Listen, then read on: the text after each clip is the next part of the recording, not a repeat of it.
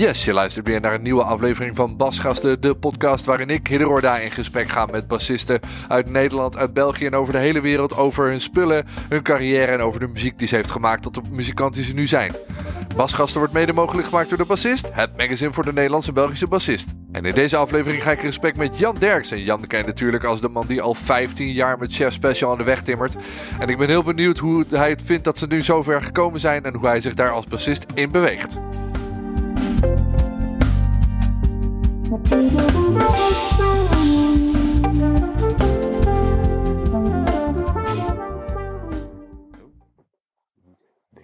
Nee, maar hij doet het wel. Aan het snoer eraf sleur. Zo. Right. Leuk man. Ja, Zitten we midden in fucking Haarlem. midden in Haarlem. Maar ongeveer Ja. meer midden in Haarlem kan je niet zitten volgens mij. Eh, nee, nee, dat denk ik ook niet eigenlijk. Tenminste, hier is wel echt, dit is gewoon een eh, ja, mooie studio die we dan... eh, Mag ook iets dichterbij gaan zitten. Oh, want, eh, ja, ja, het blijft een SM7. ja.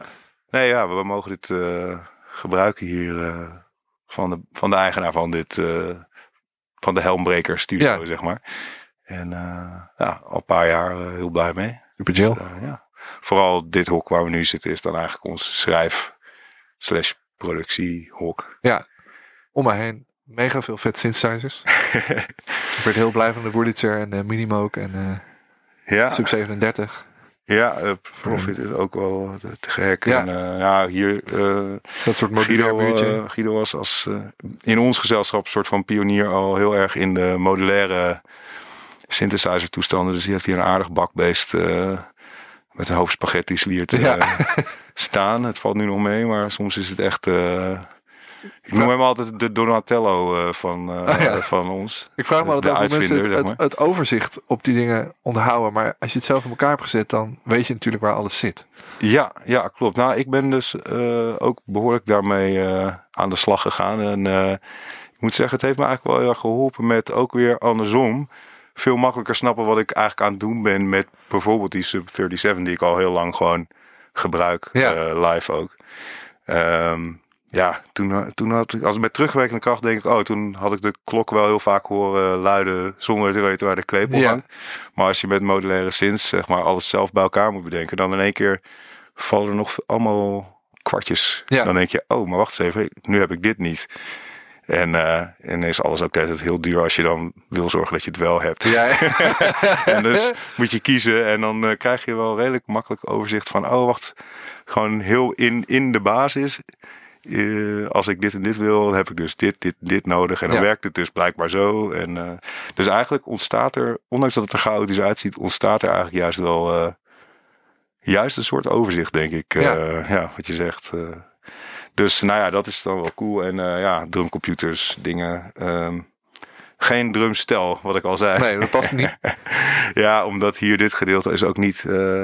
dit zouden ze buiten ook heel hard horen als hier ehm, ja, echt op een akoestische kit gaat rammen. Of, of ja, je ziet hier nu ook geen bas amp.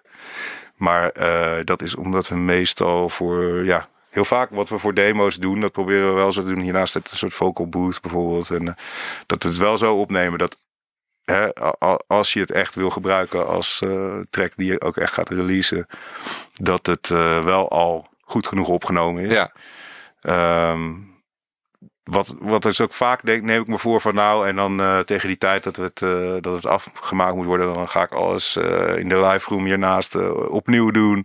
En dan ga ik het reampen en dan ga ik dit en dat en zo en zo. En, en dan ja, is eigenlijk gewoon wat ik hier even snel even had ingespeeld, gewoon voor het idee. goed genoeg. Ja, dan is het eigenlijk misschien op de een of andere manier altijd toch vetter dan Ja. wat ik er dan van probeer te maken als het dan eh, eenmaal Dat is misschien voor echt, dan, moet- voor echt in moet, weet ja, je wel. misschien ga je er wat veel over nadenken en dan weet je, ga je... Ja, en er zitten Oh, altijd toch nog- gekke ja. quirks aan. Misschien is het ook wel gewoon een soort van dat je dan gewend bent aan eh, wat het was of zo. Dat je, da dat je dan daarom denkt dat alles wat je daarna doet minder goed is.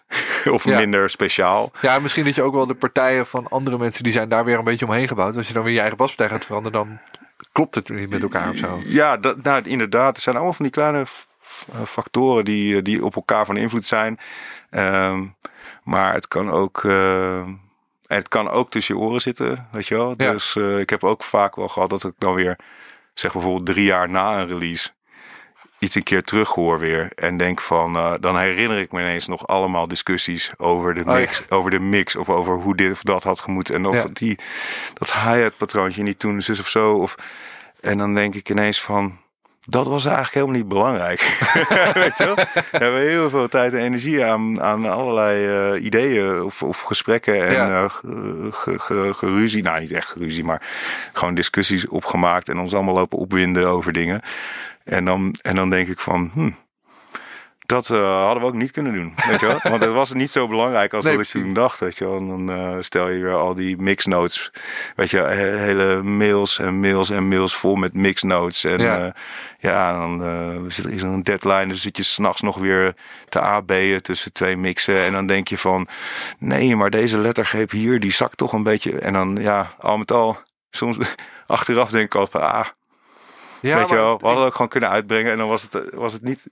Ja, maar waar zitten de dat- echte belangrijke dingen? Dat het onderscheid maakt dus wat wel en niet belangrijk is, is, is, is, is nog best wel moeilijk. Ja, maar vooral andere op kant het denk je dan moment misschien zelf. ook, als je dat dan niet doet, en je had het wel gehoord, zeg maar, van of die lettergreep zakt een beetje, of Ja. hoor hier een nootje wat niet helemaal lekker geplaatst is of zo. Ja, Ik kan me dan ook voorstellen dat als je het niet had gezegd, dat het je dan altijd dwars zit. En ik ben dan ook nog zo dat als ik dat Ja. dan live ga spelen, dat ik daar dan ook heel erg op gelet word. Oké, op de plaats staat het niet goed, maar ik ga dan wel zorgen dat, het, dat ik het live in ieder geval goed doe, ja, zeg ja, ja, ja, precies. Inderdaad. Ja, ja. Nou ja, inderdaad. Het is misschien, misschien dat je toch ook dat soort discussies wel voert. Omdat dat- dan kun je in ieder geval achteraf niet jezelf kwalijk nemen dat je het niet hebt geprobeerd. Nee, precies. Dus, eh, maar ja, we hebben dus in ieder geval gewoon hier niet een situatie waarin we heel erg als live band eh, spelen. Dus, dus, dus de afgelopen paar jaar eigenlijk zijn veel meer soort van liedjes schrijf eh, georiënteerd bezig Ja. geweest. Hè? En, en dan eigenlijk gaat het een beetje hand in hand met al bepaalde productie-ideeën ja, en opvattingen. En eh, ja, als dat dan op een gegeven moment iets wordt en dat wordt een release, dan, dan nemen we het mee in live situatie in. En dan gaan we kijken van wat eh, kunnen we hier eigenlijk mee? ja. Live, kunnen we dit live wel, goed brengen? Ja. Ja. en dat is niet, dat is wel zeg maar helemaal andersom dan hoe we zijn begonnen, waar we eigenlijk gewoon als band in een ruimte stonden te spelen en dan vanuit daar eh, kijken van nou, hoe maken we daar nou eens een liedje van? Omdat ja, wat we toen deden als live band en waar gelukkig eh, hebben daar mensen mee weten te bereiken die graag Ja. naar onze shows kwamen en dat, dat ging op zich aan, aan zich groeien. Maar toen we dat zeg maar, gewoon op een plaat wilden gaan zetten, toen dachten we van, eh, hmm, dit is eigenlijk misschien eh, niet iets wat je gewoon eh, voor je lol eh, thuis aanzet. Dat het heel leuk is om Je te doen en heel leuk is om live te beleven. En om bij te energie zijn. voelt. Ja. Ja, en als je dat dan thuis aanzet, denk je van waarom. Ja. Dus ik dacht van mm, waarom. Tenminste, wij, allemaal dachten van. Dit is misschien niet waar je, waar je, wa- wa- wat je op een plaat gewoon één op Nee. één moet zetten. Om, en dan verwachten dat mensen dat voor hun plezier thuis gaan luisteren. Nee, dat is misschien ook wel. Je hoort best wel, best wel eens over, over bands van ja, het is echt een live band of zo. Ja, En bij heel veel acts kan je daar ook meestal wel een voorstelling bij maken van oké, maar dit is weer plaatsstaand in de liedjes en live maken ze er echt iets van, zeg Ja, maar. dat Want is- dan, nee, dan komen er stukken improvisatie of weet ik Ja. veel andere arrangementjes.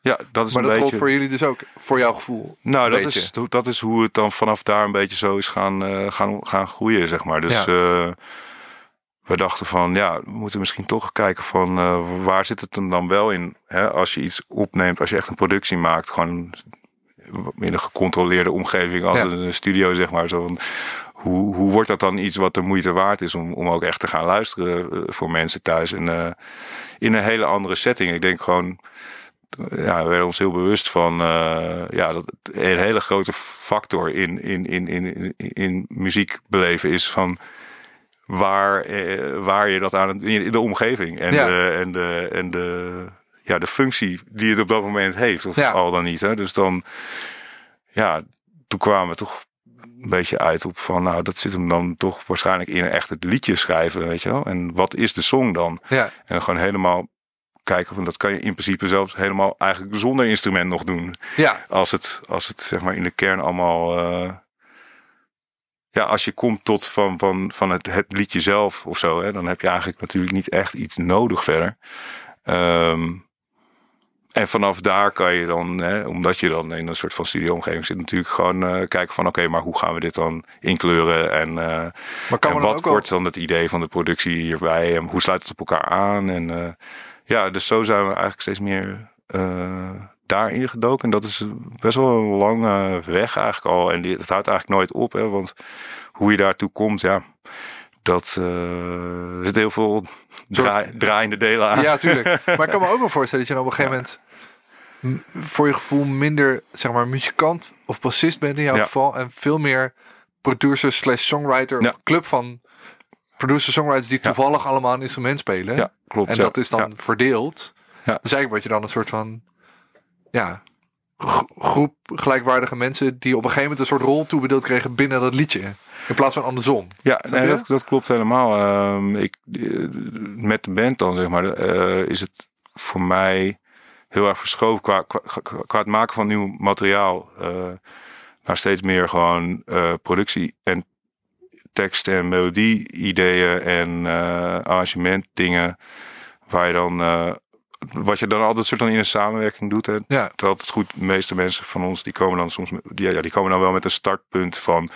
Ik dacht, weet je wel, uh, een zinnetje of zo, weet je wel, ja. een soort kernzinnetje van waar iets omheen zou kunnen draaien of een soort van invalshoek van uh, waarom maken we niet een keer iets wat hierover gaat of ja. weet je wel, of we nemen iets mee van een soort van we zouden, we zouden weet je wel, waarom hebben we eigenlijk niet een piano ballet of zo, weet je wel? En dan denken we, oh, dat is eigenlijk wel grappig. Misschien moeten we dat eens gaan proberen of zo. Of, uh, dus dan begin je wel, maar je gaat al vrij snel wel samen werken aan een soort van dat hele ding. Dus uh, dat is ook een soort af en toe water bij de wijn doen of, uh, of heel veel ideeën afschieten en dan waarvan er 99% een soort van afketsen op mensen die aankijken van nou, uh, okidoki, uh, dat lijkt me niet. En dan uh, gefrustreerd raken en zo. Dus dat samenwerken daarin is soms nog wel, uh, nou dat is gewoon een beetje een les in incasseren ook. Hè? Sluiten, ja. ja, incasseren ook. En niet, niet, het niet als een persoonlijke aanval opvatten als iemand je idee niet goed vindt of zo. Dat lijkt me best wel lastig. En, jullie bestaan volgens mij al 14 jaar of zo uit mijn hoofd? Ja, uh, ja bijna 15 jaar. Ja, ja, klopt. Het lijkt me best wel lastig om, om dat dan zo lang goed te laten gaan. Ja, Kijk, aan de andere kant, je kent elkaar natuurlijk al heel lang en heel goed. Dus je weet een beetje hoe de ander denkt en wat hij vindt en wat hij misschien wel of niet vet vindt. Maar aan de andere kant ben je ook zo close dat je dan dat kan ook weer botsing veroorzaken. Ja, er zitten allerlei kanten aan. Ik denk, ik denk, um, het is, het is zeg maar, je moet, omdat je elkaar zo lang kent, moet je ook niet vergeten dat iedereen zich nog steeds kan ontwikkelen. Dus je kan elkaar eigenlijk nog steeds verrassen. Maar het kan zijn dat je daar dan niet op let, omdat je dat niet meer verwacht of zo. Terwijl het wel kan, weet je wel. Dus eigenlijk moet je altijd wel een beetje proberen dat je je ogen open en je oren open blijft houden. Dat iemand eigenlijk een ontwikkeling doormaakt en dan uh, dat, je, dat, dat het je wel op blijft vallen van elkaar. Zeg maar. Dus dat je niet te veel denkt van, oh, ik weet wel hoe hij dat doet. Of oh, ik weet wel, oh, hij zal nu wel weer dat doen of zo. Of oh, ik had wel verwacht dat hij. Het, ook al is het ook wel vaak zo, maar het is toch ook zonde om alvast dat allemaal ingevuld te hebben. Terwijl iemand misschien uh, wel gewoon. Iedereen is wel hongerig om te blijven ontwikkelen, individueel. En ik denk dat daar zit wel een. Uh, een deel van, van, van waarom het goed gaat nog steeds. Zeg maar, is, is dat daar voed je natuurlijk de groep dan mee, weet je wel. Dus, uh, dus het, het, het, het, individueel groeien en dat ook willen, zeg maar. Dat, dat wat je ook echt zelf doet, zeg maar. Dat je dat weer meeneemt naar de groep. Daarmee blijft uh, op zich de boer altijd wel weer een beetje nieuw aanvoelen. En um, ja, en ja, het is natuurlijk ook wel met het verschuiven van live band naar schrijfproductieruimte en veel minder als live band schrijven en veel meer met ideeën.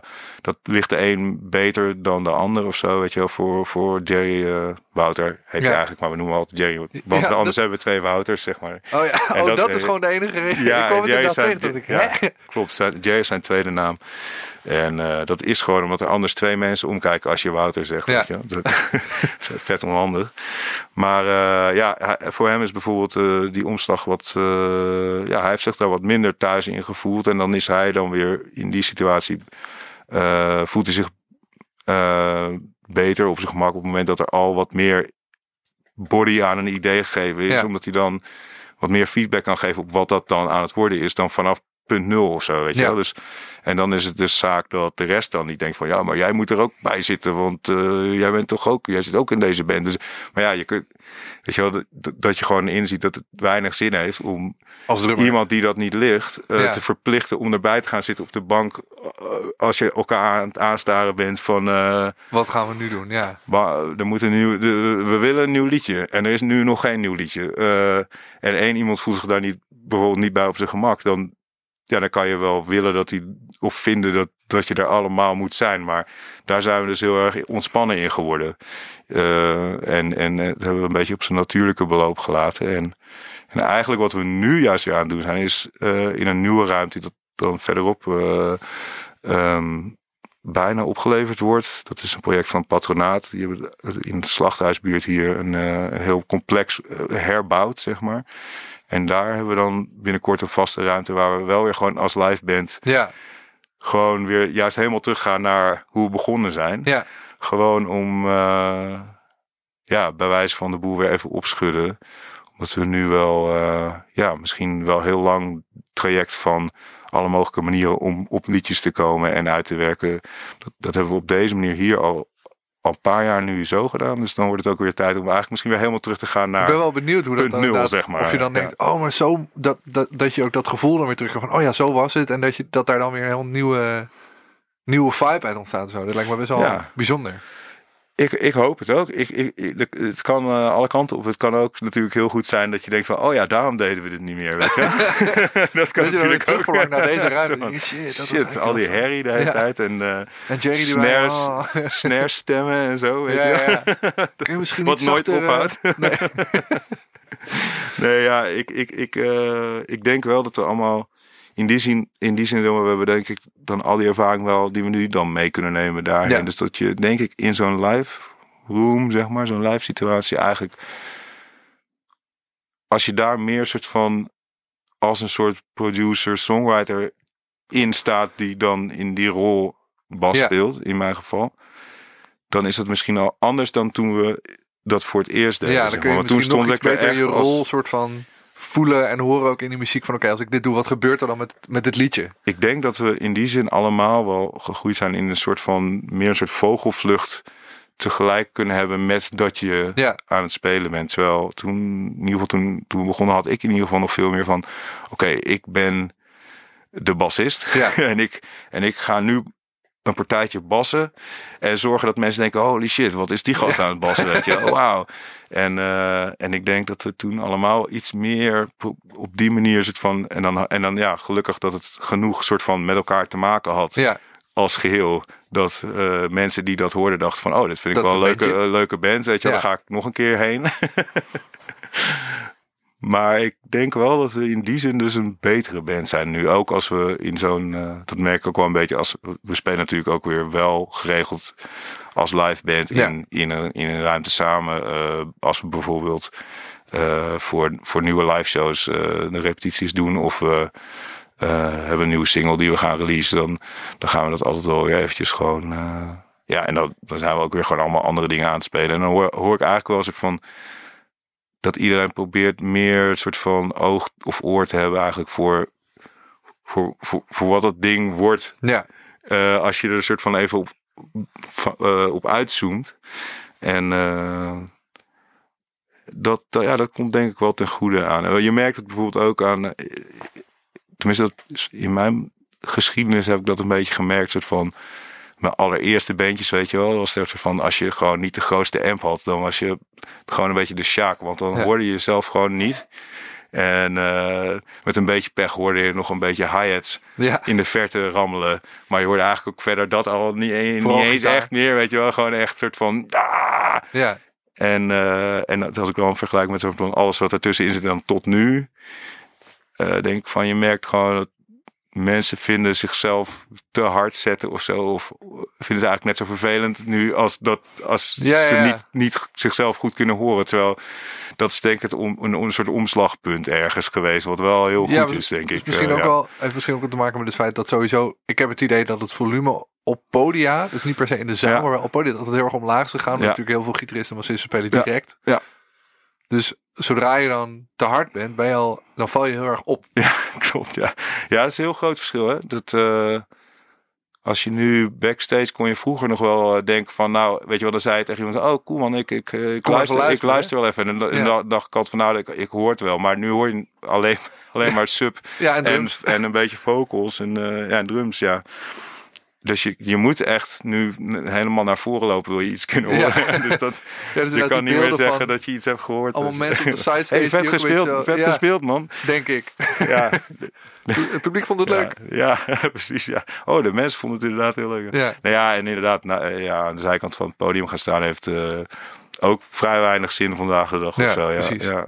ja, ik maak me er zelf ook wel. eh, nou ja, ik heb dan wel nog een amp op het podium, maar ik speel wel met in-ears. Dus het is allemaal niet, eh, niet zo eh rock and roll meer als Nee. het, dat het in het begin was, weet je wel. Eh, waar, ja, waar je eigenlijk gewoon heel vaak ook te maken had met dat gewoon de backline gewoon Er stond. de helft van de, van, van de, van, van de Ja. sound was. En dan eh, bijvoorbeeld alleen maar eh, vocals op een klein zetje, zangzetje of zo. waren. Dus dan, En dan hopen dat die er nog bovenuit komen. ja, en dan dacht ik, toen had ik wel vaak van, nou dan neem ik gewoon eh, twee keer twaalf mee. En dan eh, zet ik weer twee keer tien op. En dan, en dan gewoon, en dan dacht ik, nou dan is er in ieder geval een soort van laag daar, weet ja, je wel. dat is En, in ieder geval eh, een goede bassound, want ja. ik heb hem gemaakt.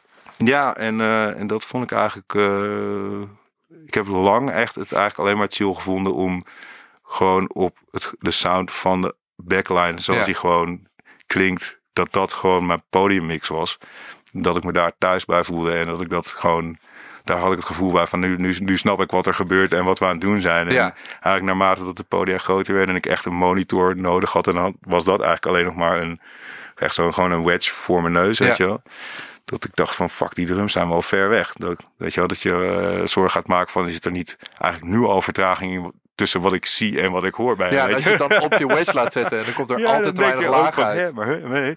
En dan inderdaad, en op grotere podia, dan, eh, dan merkte ik ook al van ja, dan heb ik wel best een forse amp, maar eigenlijk nooit, goed, nooit genoeg. Nee, Dus, eh, dus dat is wel heel erg wennen en eh, een soort van gevoel dat je een beetje in de open zee afdrijft van elkaar. En op een gegeven moment daar wat meer aan gewend geraakt. Maar elke keer als de podia groter werden, moest ik weer opnieuw een soort van afscheid nemen van het idee dat ik echt gewoon direct betrokken was bij gewoon wat was bandje aan het doen ja, waren. En het, dan het voel is ik ook me meer op weer een eilandje compleet staan. nieuwe, nieuwe klank, zeg maar. Want je Ja. kan de, de, de- het komt weer van een andere kant, zeg maar, het, het gitaargeluid. Ja, En, en eigenlijk tot het moment dat ik wat ik dacht dat ik nooit zou doen, namelijk op in-ear zou gaan spelen. Uh, maar ja, er is ook die in-ear technologie heeft denk ik ook gewoon een paar slagen gemaakt. Zeker, en ik dacht ja. ineens van, oh, nu ik, ik dacht dat ik geen echt laag in in-ears zou hebben, maar uh, dat bleek wel zo. ja, dit kan best wel. en eigenlijk ja. toen kwam het weer bij elkaar, bij elkaar samen. Dus eigenlijk heel erg, uh, het lijkt een beetje contradictie. Want ik dacht altijd, ja, met in-ears, dan, uh, ja, dan gaat dat, dat uh, over mijn lijkt dat ik ooit met Want dat hoeft voor mij niet. En dan hoeft het voor mij allemaal niet. En nu blijkt het juist de oplossing te zijn. Ja. zo, voor dat ik me wel weer helemaal in... Ja, krijgt een heel constante ja, vibe en, eigenlijk. ja en, en ik voel me wel betrokken direct bij... Ja, echt soort van... Er zit een soort het is weer meer intiem. Eigenlijk juist Ja, want je dankzij hoort heel die direct wat iedereen doet. Ja. Ja. dus heel stom is er een cirkeltje rondgekomen dat ik eigenlijk nu juist wel weer een soort van dat gevoel van eh, intiem samenspelen heb. Ook al zijn dan de podia wel erg groot. Ehm, maar dat heb ik dan toch weer terug of zo. En dat vind ik Ja. dan... Nou ja, dus gaan we dan in de nieuwe ruimte dat ook maar hercreëren. Dat we daar eigenlijk als we willen ook met iners kunnen repeteren. Wat dan ik weer Heel chill, ja. ook weer dingen waarvan ik vroeger altijd dacht van nou, dat is toch allemaal niet nodig. En dan ben ik het nu toch aan het doen of zo. Ja. Dat is een beetje gek. Ja, ja. ja, maar ja, weet je, ik, ik dacht vroeger ook van, ja, geen amp mee, dat kan toch niet, alle versterker mee, Ja. weet je wel. Ik heb ook inderdaad gewoon alleen maar een preamp mee. Ja. Ja. Het voelt dan ook heel gek dat je al met twee koffertjes met een kabel in je pedalboard aankomt zetten. En dat is het dan. Ja, en ik vond het ook altijd eng om, om het idee geen amp te hebben. Dat gebeurt Precies. nu best vaak dat ik ook zonder amp eh, gewoon speel. Maar ik dacht al van ja, maar wat nou, weet je wel, ik moet toch als if all else fails, dan, heb ik in ieder geval ding. dat, weet Ja. je wel. Maar het was altijd op- op basis van een soort van zorgen dat ik dacht van ik ga toch niet die speaker op het podium, die ga ik niet, die gaat niet weg, weet je wel. Want dan heb ik, eh, als er iets is, dan heb ik niks. Ja, ja, dus ja, maar dat is ook eigenlijk weer een kwestie van. eh, ook weer als je in een soort helikopterview naar, naar, naar dat allemaal kijkt, dan.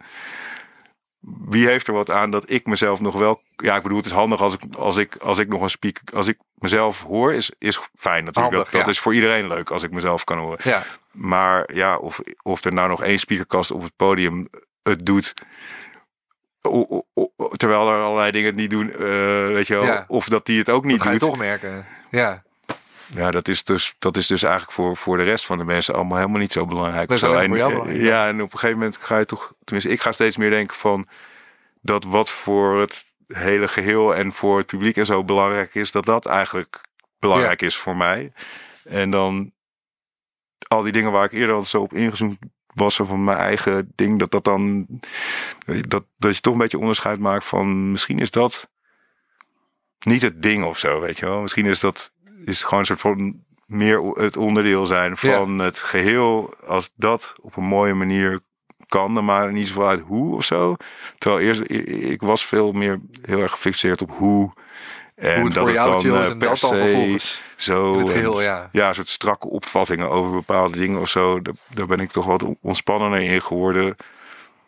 Ja, als je gewoon ziet, oh, ik, ja, net als met hele puristische ideeën over eh sounddingen en zo. Ik, ja, met in-ears, ik, ik krijg het zelf wel mee. Dus het is alsnog dan leuk voor mezelf. Ja, Maar ik ben me wel meer bewust van als, ja, als je dat op een gigantisch PA zet op een festival waar je gewoon staat te knallen. Ja, dan is er denk ik niet echt iemand die doorheeft of ik dat nou sta te doen eh, op een, eh, weet ik veel wat. Of, of, eh, ik, ik, ik denk dat die finesse, die komt gewoon op zo'n PA zetten. Gewoon, dat komt in zo'n situatie, denk ik. Is, is dat niet waar het om gaat? nee, ik het precies. zo Het, zeggen. komt, het komt te weinig over om daar echt heel veel, om daar heel principieel te gaan zitten. Ja, en dan is het alsnog voor mijn eigen beleving wel leuk als het soort van klopt of zo. ja, wat ik daar wil. ga je natuurlijk maar... ook lekker ervan spelen. Ja, inderdaad. Ja. En, en maar heel vaak ja, heb ik dan toch het idee dat dat ook weer, net zoals wat ze wel eens hebben uitgezocht, eh, het verschil in beleving, eh, merkbeleving van bier bijvoorbeeld. Oh ja, Hè, dus of je uit een groen blikje drinkt of een rood blikje, dat, dat, dat, dat schijnt dus heel veel uit te maken voor Ja, ja, ja. wat je vindt dat het betere bier is. Terwijl wat daarin zit hetzelfde kan zijn, zeg Ja. maar. Ik denk dat dat ook heel vaak een rol speelt in, in je in je beleving en in je. ik in, in- instrumenten en ik- daardoor zeg ik niet dat het niet belangrijk is, want het is dus juist wel belangrijk, want je Ja. gaat anders van spelen. ja, Maar eh, als je dat dan vervolgens gewoon in een soort blinde test zou moeten beoordelen wat wat is, dan denk ik niet per se dat je heel erg. eh, nee, daar, maar mensen, ja. mensen zijn natuurlijk heel gevoelig voor dat soort dingen. Die Ja. Ik bedoel, er zijn ook, muzikanten die zeggen, ik wil een Fender hebben. Dan denk ik, ja, oké, maar heb je wel eens op een, een bas gespeeld die erop lijkt en misschien wel goedkoper is en misschien wel, weet ik veel, misschien wel beter is. Ja. Ehm, maar waar geen Fender op staat. En Dan krijg je altijd wel een soort van antwoord. Ja, nee, maar ik wil gewoon graag een Fender hebben. En dat is logisch. Want je speelt op een Fender en dan... Dat is dat, als, als je dat nodig hebt. hebt voor die beleving, Ja. eh, dan, is dat, eh, dan is dat ook belangrijk. Eh, het is eigenlijk belangrijk als je vindt dat het belangrijk is. Om Ja, maar zo te zeggen. maakt. Ja, precies. Als je hebt bedacht van dat vind ik belangrijk, dan is het dus belangrijk. En je kan eigenlijk zelf, het is wel stom, maar je kan eigenlijk dus zelf bepalen wat belangrijk is. Of je kan zelf bepalen wat erg is of niet erg is. Eh, als je zegt dat het erg is, dan is het altijd, weet je wel, ja, dan is Ja, het nee. ineens erg. Dus dat is wel gek daaraan. Maar ik heb zelf eh, daar, nou ja, ik ben daar ook gevoelig voor natuurlijk. Ik, ehm, ik heb dan juist pas recent voor het eerst een Fender gekocht. Ja. Even voor, eh, om, om, om, omdat we voor onze nieuwste single eh, had ik een, een, een actieve vijfsnage eh jazzbas eh, gebruikt. Omdat het, dat was zo'n situatie waarin eh, eigenlijk de bas met een plugin geprogrammeerd was Ja. voor, de, voor, de, voor het soort demo-idee. Gewoon omdat het even Voor snel... doen ja. even snel en dan eh, zoiets. Moet een beetje zo'n slikke, zo'n slikke jazzbas sound. En eh nou, een toonsoort waardoor het een soort van laag, weet je wel. Ja. Oh, dan, ik zat al wel, ja, dat, wordt dan, dat, moet zo, dat moet dan vijf snaar worden of zo. Nou, of ik had even geprobeerd met dikke snaren en andere soort van jazzbassige in, eh, in B te stemmen. Eh, maar uiteindelijk dacht ik, oh, ik moet dan toch misschien hè, voor die release en om weer in de buurt te komen van die, eh, Ja, die plug-in sound. Die plug-in sound heb ik dus wel vervangen door een echte basgitaar. Wat op zich ook een heel gedoe was. Het, waar, je, waar je ook weer soms hebt dat je zelfs dan denkt van... maak ik het nou eigenlijk wel beter? ja die plugin is misschien wel... dat is misschien, dat is ja. misschien stap 1 aan dit verhaal. Is zo van... Er is een baspartij die geprogrammeerd is eh, met een basgitaar plugin. Ja, die stiekem echt En, het, er goed. en het is gewoon, ja, het is bizar, weet je wel. En het werkt voor de track helemaal goed, weet je wel. En als je zou willen, zou je ook nog fills kunnen spelen op een manier Weet je wel, gewoon Die als je. ge- spelen? Ja, of je doet juist dingen die dan niet kunnen op basgitaar, maar die Oh, dan ja. dus heel vet zijn of zo. Ja. Ja. je denkt toch van ja, fuck, ja, ik moet toch eigenlijk misschien toch wel gewoon het spelen. eh, zelf. Eh, en dan moet je gaan zoeken van nou, hoe ver stappen we dan af van wat er vet is aan die, Ja, aan die hele slikke jazzbass plugin, weet je wel. En in hoeverre eh, kan dat eigenlijk? Want misschien is dat het een plugin is, juist wel dat het het maakt. maar ja.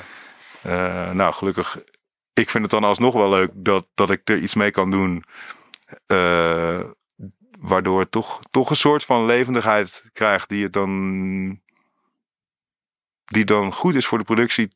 En dat het niet verloren gaat van wat er tof was aan het oorspronkelijke idee. Dus ik denk dat het wel gelukt is.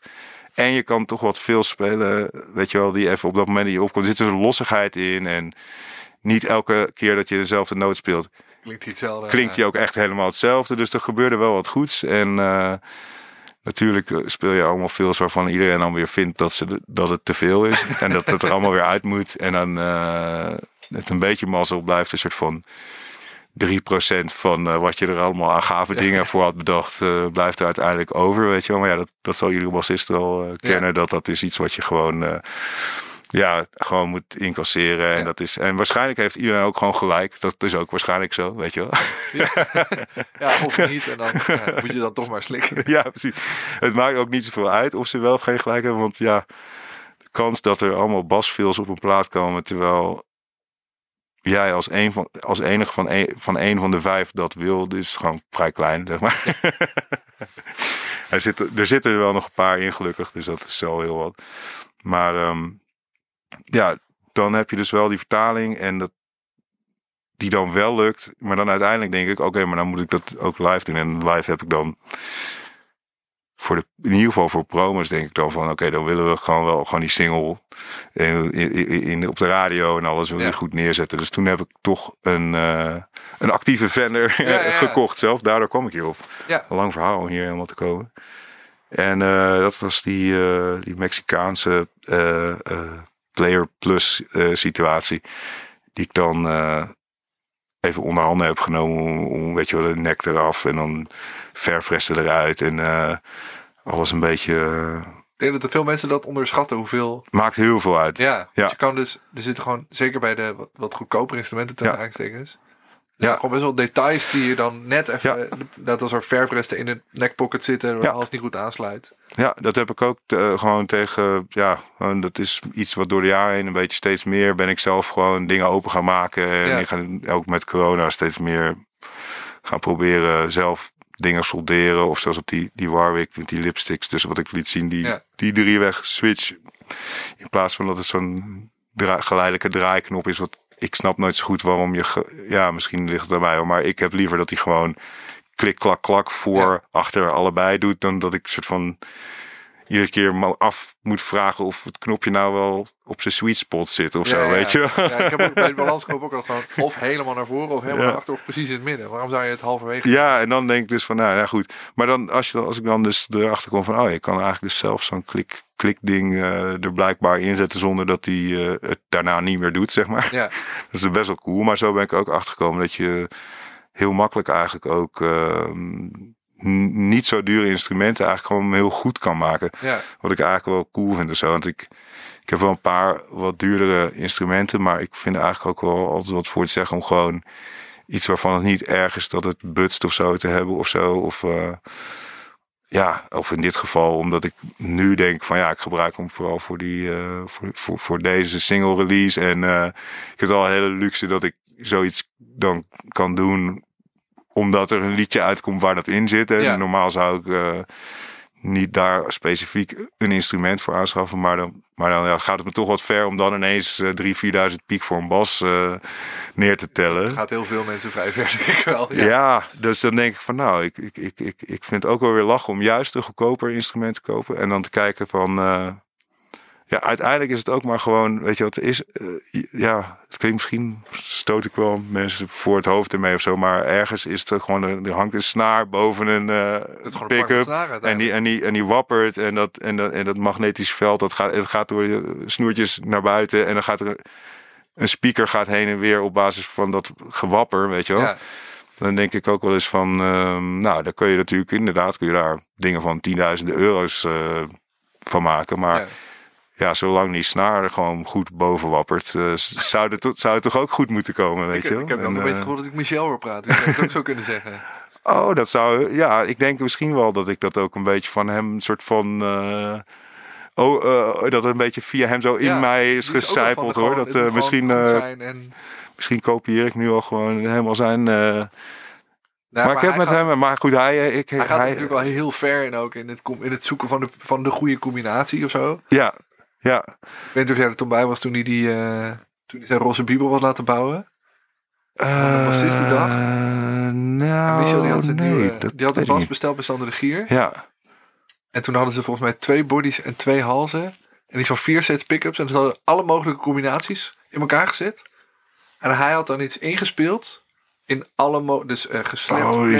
Allebei de pick-ups. Hals pick-up en brug pick-up. en er werd een blinde test.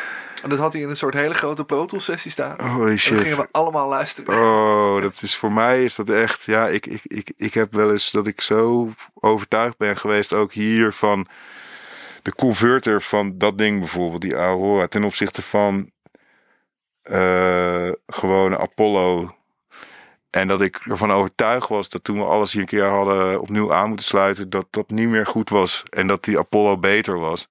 En toen ja, gingen we dat ook in een blinde test doen. Daar ben ik helemaal nat gegaan. En was het helemaal, in mijn- is dat helemaal tussen mijn, tussen mijn oren, blijkbaar. En dat is dan heel confronterend. En ik kan me voorstellen dat ik in zo'n situatie ook erg nerveus zou zijn over wat Oh. ik wel of niet zou moeten zeggen. Want Ja, ik, ja, ja. Ik, ik, durf, ik, ik, ja, ik weet niet, ik durf niet zo goed eh, te zeggen of ik nou echt zo geraffineerde, ge- geraffineerd Nou gehoord, he, Als gehoord jij het heb. hè. verschil kan het voor mij- tussen wel of geen lakresten in de pocket van een eh, Ja, bas, dan zit er wel iets Ja. of zo. En dan kan het nog steeds Ja. tussen je oren zitten, want je hebt gewoon misschien het gevoel dat hij dat je hem daardoor beter kan laten aansluiten. Je denkt, oh ja, ik denk dat ik wel een soort van betere sustain hoor of zo. Ja. Ik heb ook nog steeds, als ik een andere brug op een bas zet, dat schijnt heel veel verschil te maken. Maar ik vind het heel moeilijk Nou, ik denk wat een groot verschil is, als je het zo omschrijft zoals met zo'n Pro Tools sessie. En je krijgt echt zo van, nou, hier is voorbeeld A en hier Ja. B en C en D. En, en je moet zeggen wat wat is. Dan, dan eh, ben je niet zelf eh, op het instrument aan het Nee, spelen, zeg maar. nee. Dat, dat, dat maakt denk ik voor mij dan een groot verschil of zo. hè. Dus eh, voor mij is bijvoorbeeld met die, met die, met die, die verfresten eruit die, uit die nekpocket halen en zo, dan... eh, ik, zeg maar, dat- ik haal die bas dan, eh, die komt van de fabriek, soort van, denk ik, meteen. Ik weet niet wat ze er verder eh, aan doen bij Bax of zo, maar ik denk niet zoveel.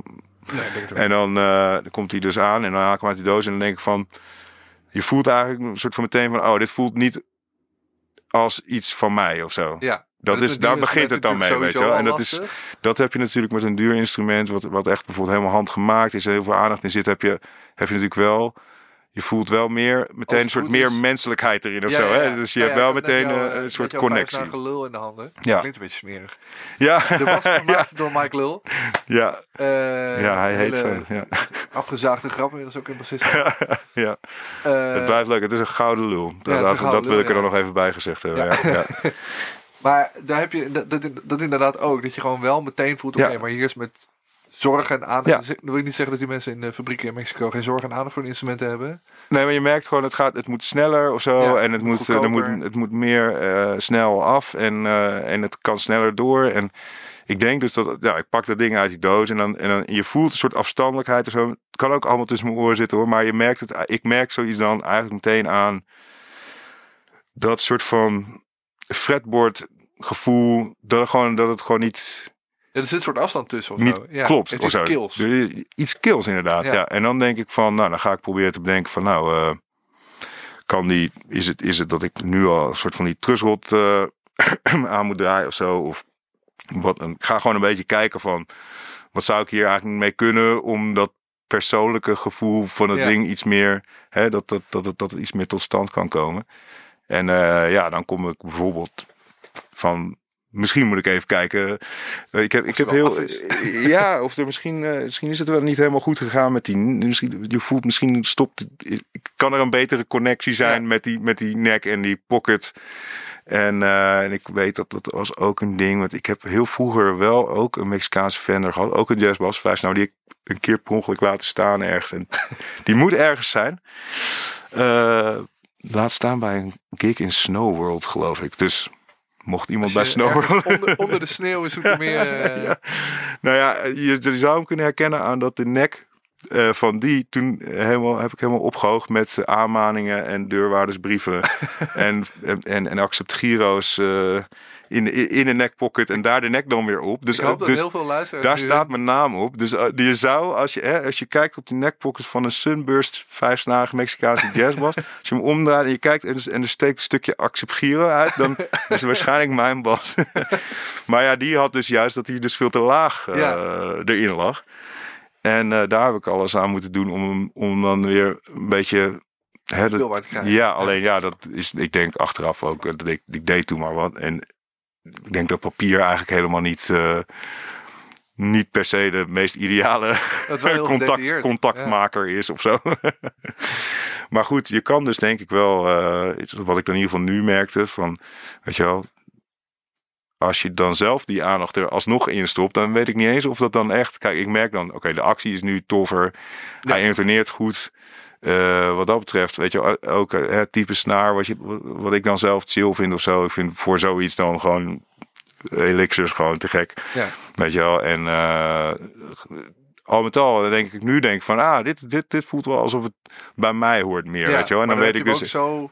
Hebben we er zoiets mee gedaan dat het bij jou gaat horen? ja, En ik denk misschien dat het ook wel. Het is een soort ritueel misschien ook wel een Het is- beetje. het is hè? Dus het is ritueel. ook misschien niet alleen maar dat het allemaal echt drastisch effect heeft. Maar het is ook misschien iets wat gewoon tussen je oren zo'n Ja, dusdanig effect heeft. Dat je wel toch die band soort van voelt. En dan toch meer connectie met het instrument hebt. ook al ook, is het denk- niet een duur instrument, zeg maar. eh. ik denk wat ook heel erg mee te maken heeft. Ik denk, je hebt die, die player waarschijnlijk gewoon besteld bij een eh, Ja. eh, grote muziekwinkel. Ja. Ehm, Oh, ik was ik heb- vergat helemaal dat ik misschien geen eh, merken moest noemen of zo.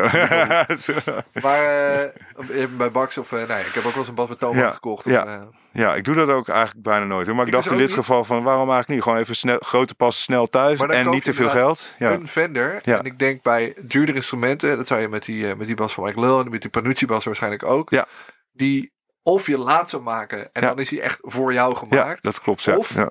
Eh, je gaat naar een speciaalzaak en dan kies je hem echt uit. Ja. dat ook wel echt verschil Ja. maakt. Want je pakt dan echt een instrument en je denkt, ja, Ja. deze moet het zijn. Ja. En dan heb je veel meer meteen die connectie met dat ding. Dat is denk ik een heel groot verschil inderdaad. Ja. Ja, ja, dat En soms heb je van, die Mustang die ik heb, dat was gewoon van zegt, oh ja, dit moet hem zijn, dit is hem. ja.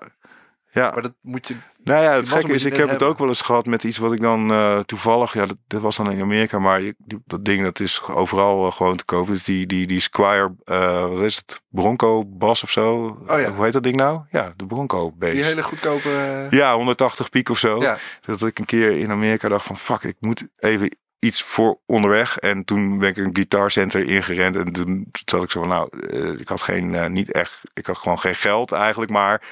En zo goedkope bassen kijken, weet je wel. Wat, Ja. Ik vind het eigenlijk ook een sport of zo, weet je wel. Dus eh, gewoon, eh, wat is best wel goed, terwijl het eigenlijk, dat je je echt afvraagt van, hoe, hoezo maken ze dat eigenlijk voor zo weinig geld, Ja. weet je wel. En die was echt het allergoedkoopst. en het deed meteen iets voor mij of zo. Ja. En het is nog steeds een van mijn... ik vind wel een van de leukste bassen die ik gewoon heb staan of zo, weet je wel. Dat, dat, dat gewoon een super elastische short skill snaar Ja, ja, ja. gevoel vind ik sowieso altijd heel, eh, heel leuk. Gewoon, het voelt gewoon eh, nice of zo. Ja. En eh, super karaktervol dingetje. En het is dan 180 piek of zo, weet je wel. En als je dan ook ziet wat voor modificaties... Met, er is een hele soort van modding community van Oh die Bronco base. Oh, nice. Ja, dan moet je maar eens googlen. Gewoon Bronco mod of zo, of weet ik veel. Dan komen er echt de meest krankzinnige creaties voorbij voor mensen die er dan allemaal, eh, weet je wel, van die pick-up kapjes op en een brugkapje en een ja, andere slagplaat en eh, een andere nek erop zetten bijvoorbeeld. Terwijl ik denk juist, ik vind die nek juist wel best wel goed eigenlijk. Er wel andere tuners op zetten, denk ik. Want dat zijn die dichte tuners, denk ik. Die vierkanten. Uh, zit even te denken. Die zijn gewoon niet zo gaaf. Het, zou goed kunnen hoor. Dat, ja. ja, ja. En uh, ja, die van mij loopt ook een beetje aan. Maar dat vind ik dan eigenlijk juist vet. Omdat je krijgt die soort van fretloos soort ja, ja. van ding van of zo. Weet je? niet overal aan, zo, waarschijnlijk gewoon een paar Nee, en een paar noten, dan weet je waar dat zit. En nu zo... Ja. Maar dan gaat hij ineens zo langer door op een rare manier. Denk je, ja, nice. Weet je soort van, niet allround en uh, niet overal uh, te gebruiken. Maar echt typisch zo'n voorbeeld van heel goedkoop. En wel gewoon cool of zo. Dus uh, ja, ik weet eigenlijk niet waarom, waarom we hier nou helemaal op kwamen. Het maar... ging over hoe je connectie kan maken met een goedkoop instrument. En hoe je dat een beetje uh, ja, voor je, van ja. jezelf kan maken. Zeg maar. Dat je dat soms gewoon hebt met zo'n ding. Ja, nou ik denk ook dat wat ik, ja, waarom ik er ook op kom is omdat ik denk van uh, dat ja, mijn vader is, die is, die is vorig jaar, ja, vorig jaar, maar anderhalf jaar geleden in ieder geval uh, overleden ineens. En, en ik, ik, moet, ik moet vaak dan denken aan dingen. De laatste tijd natuurlijk die jij dan... Uh, hij zei vroeger altijd van... Ja, het ligt niet aan de spullen, maar het ligt aan het ventje, weet je wel. Ja, ja. En dat vond ik altijd super irritant. Want dat zei natuurlijk altijd als ik dingen niet mocht. En, uh, en dat ik dan zelf geen geld ervoor had. En dan dus maar weer allemaal klootwerk in de zomer moest gaan doen. Om maar toch maar wel iets want ik was er natuurlijk wel van overtuigd dat als ik maar oh, dit of als ik maar dat had, dan zou ik wel ja. uh, hè, zus of zo uh, kunnen. ik begin dus wel weer, dat echoot zo na de laatste tijd, dat ik denk van... Tuurlijk vind ik het leuk om ook te kijken naar uh, hele dure instrumenten. En ik heb er ook wel echt wel, weet je wel, mijn eigen smaak in of zo. Ja. En dingen die ik vet zou vinden. En, maar wat, me, wat ik vaak bedenk is dat het zo tof zou zijn als gewoon goede dingen gewoon heel toegankelijk zijn voor zoveel mogelijk mensen of ja. zo. En um, ja, en, en, en dat het dus ook cool is als, als gewoon veel mensen die willen beginnen aan, aan, aan spelen op, op instrumenten of, of dat willen leren, dat die niet denken van oh, maar dat kan niet, want dan moet ik eerst dus of zo ja. hebben of zo. Maar dat je het eigenlijk, dat, dat het wel, ja, als je gewoon hele goedkope dingen gewoon echt een beetje zo doet dat ze gewoon dan kunnen ze gewoon is. echt goed zijn, weet ja. je wel. En dan, en dan ligt het ook inderdaad echt alleen maar aan degene die erop speelt. En niet per se aan. Dat denk ik ook. Goedkope instrumenten die echt een stuk beter zijn geworden. Ik heb laatst weer ja, dat denk ik ook. een basje gekocht van, weet ik veel, 250 euro. Die was ja. echt helemaal te gek. Ja. Echt heel goed. Ja, ja, ja. Maar ja. ook niet... Ik heb het wel vaker gezegd ook in deze podcast. Niet zeg maar, voor het geld goed, maar gewoon dat je vast bent en denkt, ja, dit is gewoon een, een goede bas. Goed. Ja. ja, dat denk ik ook. Ja, dat, dat, dat, dat is wel... Uh denk ik iets van dat misschien die uh, vreesmachines of zo uh, gewoon uh, beter, ja, ja, Daar, daar ik weet nooit zo goed hoe die dingen allemaal heten maar ik kan me voorstellen dat het, de technologie gewoon ja. iets erin bijdraagt dat gewoon hele simpele goedkope dingen waar gewoon massaproductie van ja. is dat die wel beter zijn geworden inderdaad. Zoals ik vind die die die classic vibes van de Squire ook gewoon tof weet je wel. En wat dat betreft is het echt wel ja, voor, voor, voor jonge mensen die gewoon willen beginnen, is het echt een, een, mooie tijd. Omdat je niet, ja, tenminste, is, geld is natuurlijk wel een stuk minder waard geworden. Dus ja. uh, het is denk ik in verhouding alsnog duur als iemand nu wil beginnen met bassen. Maar, ja, maar je hoeft niet hard te zoeken naar een goed exemplaar. Of van, oh, je moet echt niet die, ik zal... Ja. Toen ik, nou, laten we zeggen, ik speel nou uh, 23 jaar. Toen ik zeg maar 15 jaar geleden dat je met je ervaring hebt en je weet hoe ja. wat goede dingen zijn. Ik, toen had ik echt nog wel dat ik tegen mensen zei, ja, die of die of die moet je echt niet kopen, want dat is gewoon ja. onbespeelbaar slecht als. En nu zou ik niet weten. Ik dacht gewoon, ja, je kan gewoon naar een, naar een Toma gaan en iets kopen en dan is het meestal gewoon prima. En dan ja. is het prima te maken meestal. Ja. Ik was wel even benieuwd, uh, um, want je speelt volgens mij ook al best wel lang. Uh, ja, denk ik eigenlijk wel, ja. ja. Ik denk dat ik ongeveer zo rond mijn veertiende, dertiende dertiende, veertiende zo echt uh, basgitaar echt heb opgepakt. Als, maar had je uh, toen ook al meteen zo'n klik met dat instrument? Of was dat een beetje... Ja, dat was ook echt wel doordat ik... Uh, maar ik had dan gitaarles. Ik heb, ik heb ooit op mijn zesde of zo had ik pianoles. En dat, want ik, ik vond het wel echt heel leuk om te rammen op die piano. En ja. dat was ik ook altijd aan het doen. Dus mijn ouders dachten ook van nou... Ehm, dat is misschien wel goed uh, als hij op piano, pianoles gaat. En uh, alleen ik, uh, ik, ik, ik, ik haakte, tenminste, ik werd heel bozig en uh, zagrijnig en agressief van dat ik al die noten moest lezen. Oh, ja. En dat ik echt moest doen van dit staat er en dat. En dan vlak voor de les even aan mijn moeder vragen, smeken van speel even voor wat er staat, weet je wel. En dan onthield ik en dan kon ik, dan, dan was ik naar de papier aan het staren alsof ik aan het lezen Ja, was. ja. Maar dan speelde ik gewoon wat ik had gehoord van mijn moeder of zo. Eh, dan had ik dat even snel onthouden. En eh, ja, dat, dat werkte gewoon niet voor mij. Dus toen ben ik eh, gestopt omdat ik gewoon, ja, gewoon, ik werd gewoon heel relaxed van noten ontcijferen of zo. Ja. Dat, dat werkte niet goed voor mij. En eh, dat moest dan wel van die leraar per se. Dus het was niet echt een match. En toen heb ik een paar jaar, ja, veel, ja gewoon niet, niet iets gedaan met muziek. En totdat ik, eh, totdat het me steeds meer begon op te val- vallen van, wacht eens even. Dan hoorde ik een muziekje en dacht ik, dit vind ik echt vet. En waarom vind ik dit eigenlijk vetter dan dat of zo? Weet je wel, dat ik bijvoorbeeld voor het eerst, of weet ik veel, dat ik Bob Marley live of zo had. Maar Oh ja. mijn ouders die plaat eh, wel eens aanstaan. En dacht ik altijd, what the fuck, dit is vet. Ja. En eh, bij eh, een andere muziek had ik dat dan weer niet. En dan ging ik toch, toch wel een beetje meer uitzoeken van hoe zit dat nou? En dan zag ik dus steeds vaker gasten met gitaren, weet je wel. En dan denk ik van ja, fuck it. Waarom, dus. waarom, waarom ben ik dat niet aan het doen, weet Ja. je wel? En toen heb ik dus een, eh, voor Sinterklaas een keer een akoestische gitaar alsnog gekregen. Een Spaanse klassieke gitaar. En daar ben ik eigenlijk toen eh, weer, weer mee op les gegaan. En, en, en dat werd op een gegeven moment eh, elektrisch gitaar. En die leraar Ed Wenning in Hoogveen, die had ook een basgitaar in die ruimte staan. En die pakte ik op een goede dag gewoon een keer op. En toen legde hij mij wat dingetjes uit. En toen deed ik doem. En toen dacht ik, what the fuck? Echt meteen? Ja, ik dacht echt van, oh, wacht even, dit is eh, een heel ander verhaal. En dat eh, raakte mij echt heel erg. Dat, dat, tenminste, dat, dat raakte me op een manier dat, dat ik dacht van, ja, maar wacht, dit is echt powerful, weet je wel. Ja. En ja, toen was het eigenlijk vrij snel dat ik vooral ben gaan, gaan bassen. Ja. Ja. En was het dan... eh, ga je dan ook meteen kijken naar, oké, maar wie vind ik dan vet? Kijk, je hebt natuurlijk die Bob Marley live plaat, kom je op Aston Barrett uit. Ja. En zijn dat dan meteen gasten waar je dan ook je eh, ja, gaat optrekken of zo? Of ben je dan vooral... Of was je, laat ik het anders vragen, was je dan toen ook al bezig met, oké, maar ik wil gewoon liedjes spelen en niet per se bas spelen, maar gewoon... Ja, ik denk wel voor mij toen in ieder geval was het wel inderdaad een periode lang gewoon echt wel een soort van indie. Van, zo, weet je wel, want het, toen, toen- ik begon ook echt gewoon punk en hardcore punk muziek en zo. En eh, dat soort dingen allemaal vet te vinden. En eh, ja, dus het was wel eh, meer een soort van niet heel erg artiest en, en, en performance prestatie georiënteerd. Natuurlijk Les Claypool of zo, Primus of zo. Super vet, maar dan dat je ook meteen denkt van, oh, maar dat is wel he- lijkt heel ver weg, weet je wel. Ja. Dus je blijft een beetje van. eh, dus het, ging al vrij snel hand in hand met echt in mijn eigen, eigen beentjes spelen en kijken van hoe kunnen we hier een soort van muziek van maken. Dus Ja. een soort van.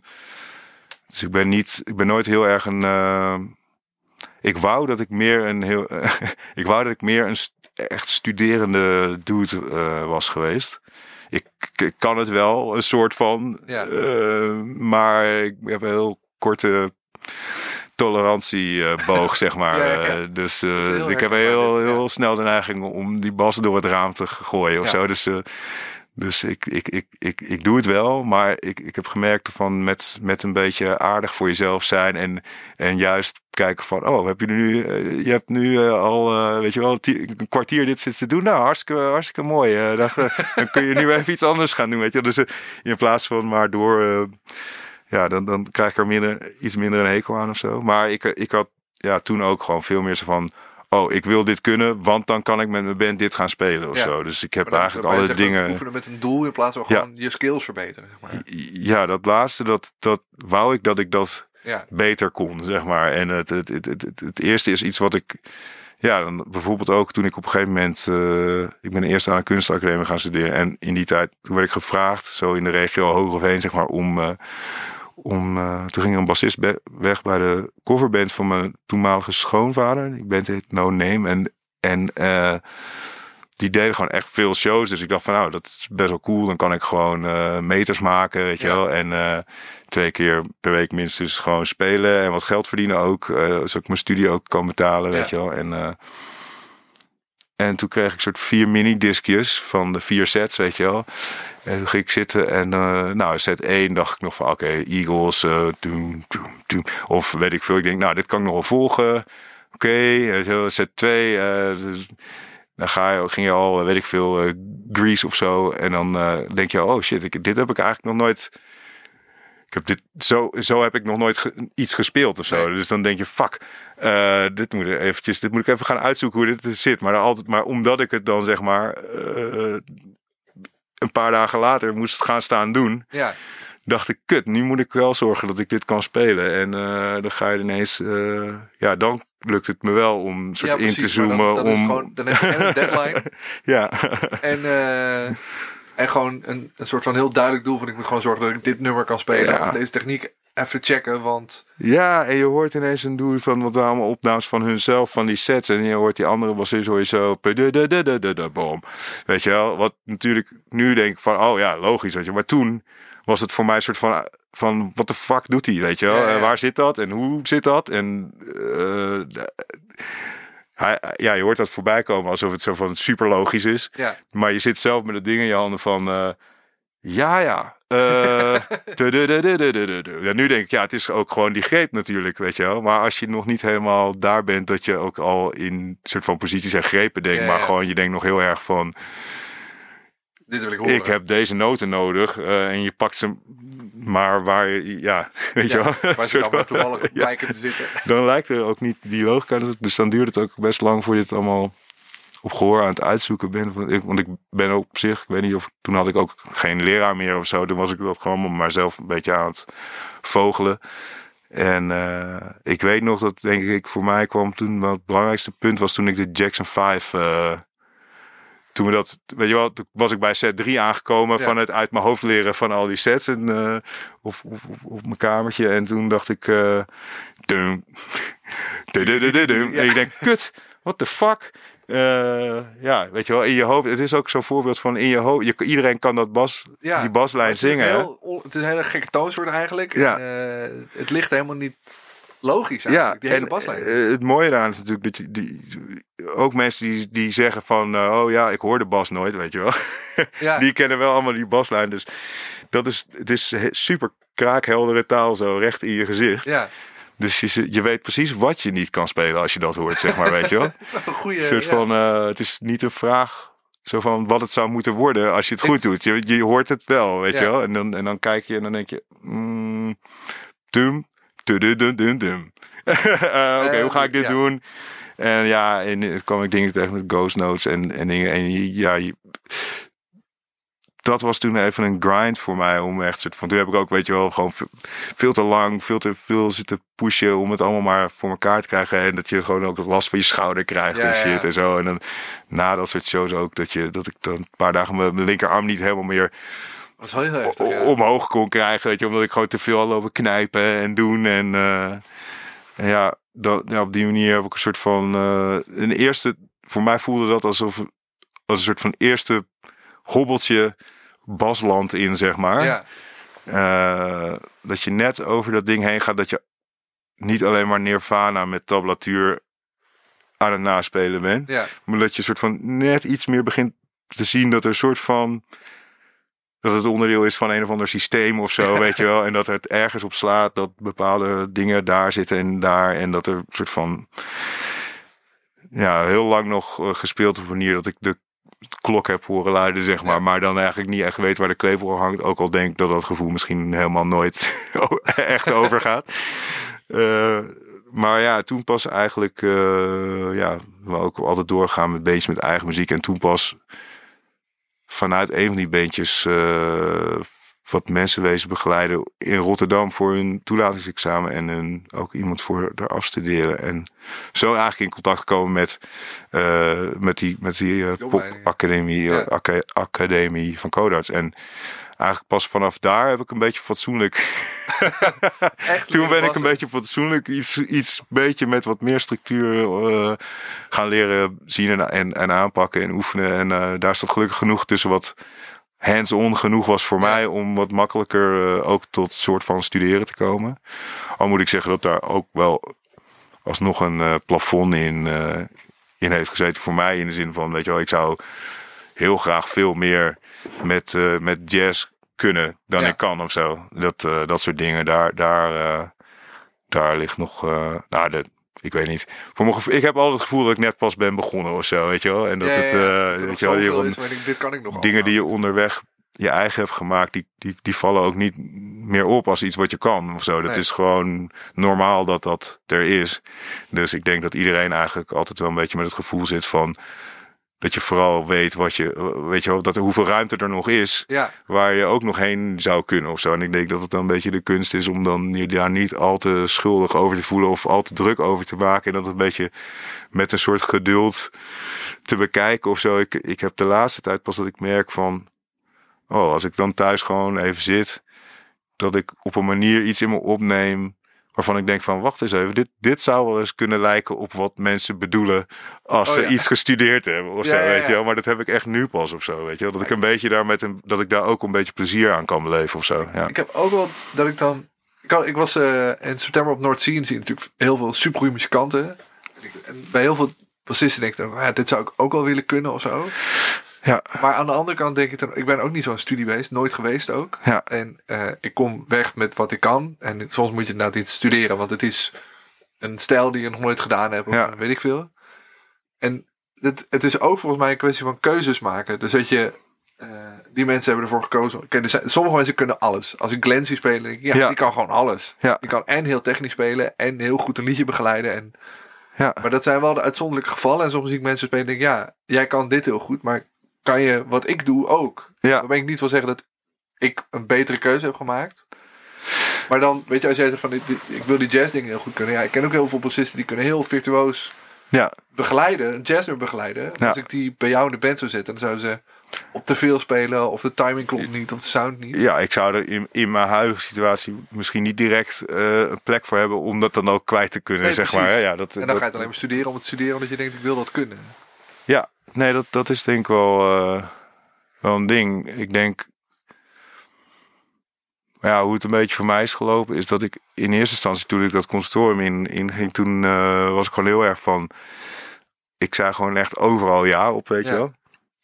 En het was ook, het was ook toen meer een soort van, weet je wel, songwriters die studeerden songwriting, en eh bassisten studeerden basgitaar en eh, en het was er van, weet je wel, een beetje, je wordt toch een beetje soort van in de sessie eh, situatie. in ieder geval toen, ik weet niet hoe, hoe dat nu is, maar ehm, ik was laatst bij het eindexamen van Pieteke van, ja, daar was ik ook bij.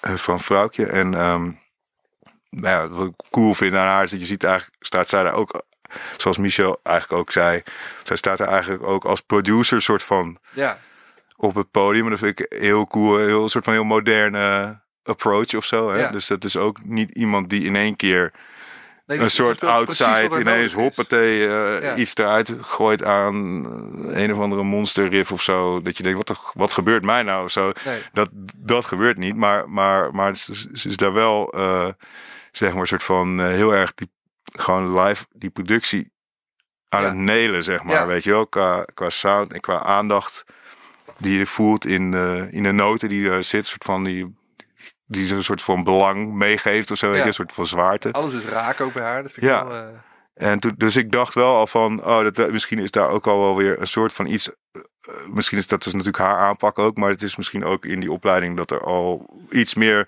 soort van overlap is tussen van, oké, wat is een sessiemuzikant eigenlijk? Is een sessiemuzikant kan misschien ook iemand zijn die niet per se op alle vlakken het best presteert Nee. van iedereen of zo, maar iemand die bijvoorbeeld in die hoek Die een hele goede, eh, bijvoorbeeld ook een hele goede producer is of zo. Ja.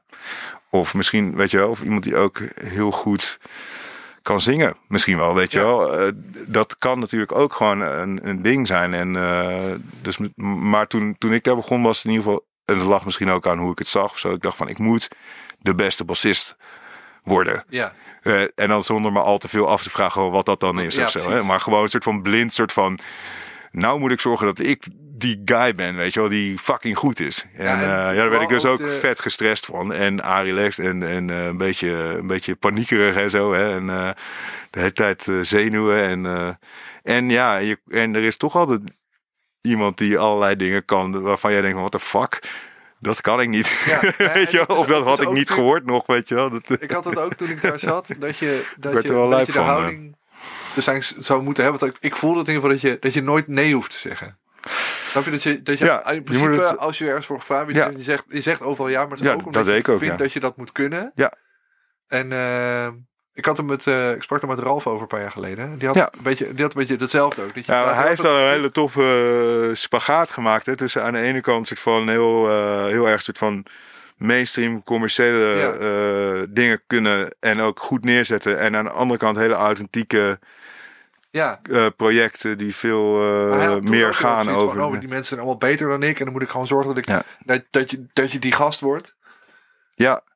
Ja, nou ja, ik heb er dus wel volop ingezet in, in zekere zin door dus ook overal ja op te Ja. zeggen. De meest uiteenlopende dingen. En op een gegeven moment zat ik dus met ja, drie, eh, weet je wel, drie repetities per dag. En, Oh, dan, ja. en dan één in, in Amsterdam en één in Utrecht en één in eh, Waterfront en één, eh, dan weet je wel. En dan en gewoon overal en nergens. En dan, en dan dus ook altijd met agenda's die overlappen. Van, want voor iedereen voor wie je aan het spelen bent, is hun eigen ding het ding. Ja, Dus die willen gewoon Allemaal dat kunnen doen.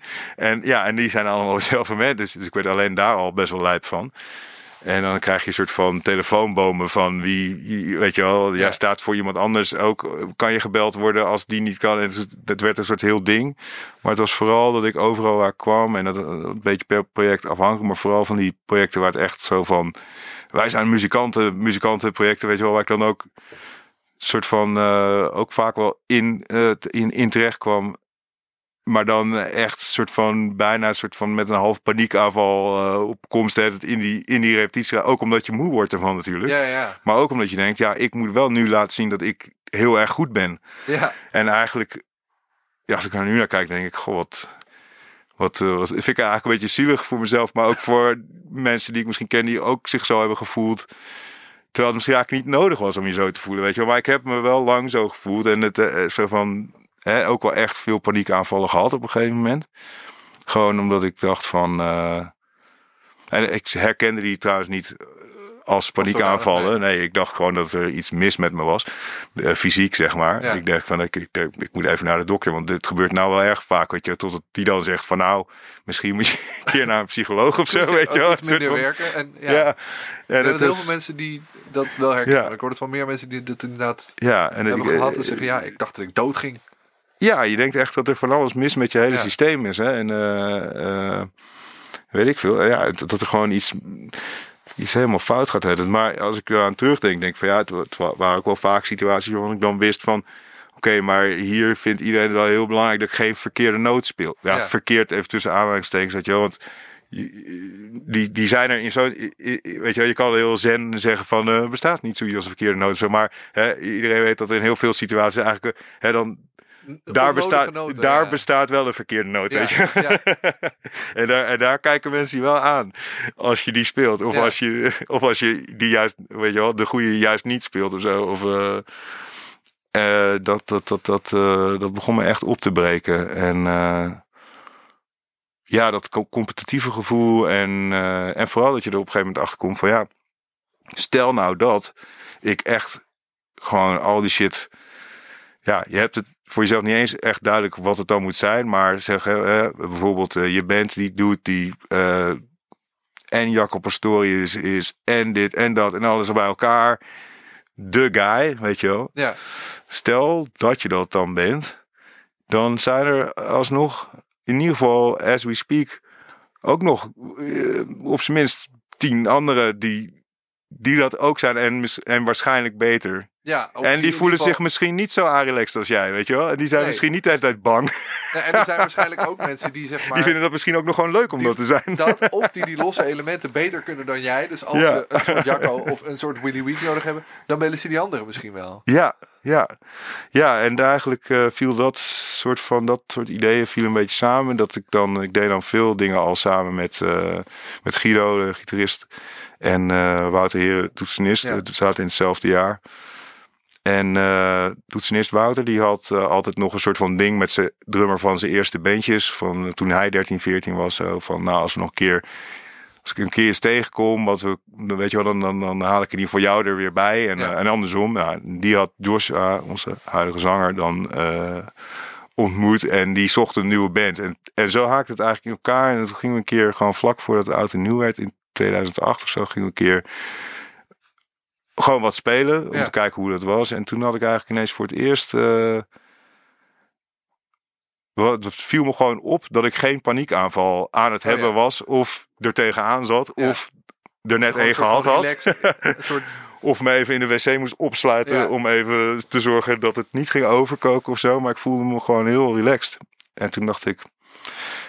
Dit, dit, het voelde gewoon veel meer als zoals waarom ik überhaupt ja, ooit is was begonnen met, Ja. met een bandje of met muziek maken. En, en ik merkte aan die jongens, die wilden gewoon graag een, een band om samen aan te werken. Ja. En eh, ja, toen, toen, toen dacht ik, wacht eens even, dit, dit is volgens mij veel meer, eh, in ieder geval een goed begin. Ja, Dan eh, waar ik helemaal in verstrikt was geraakt. Waar ik wel heel veel van heb geleerd natuurlijk. Het was niet alleen maar kut.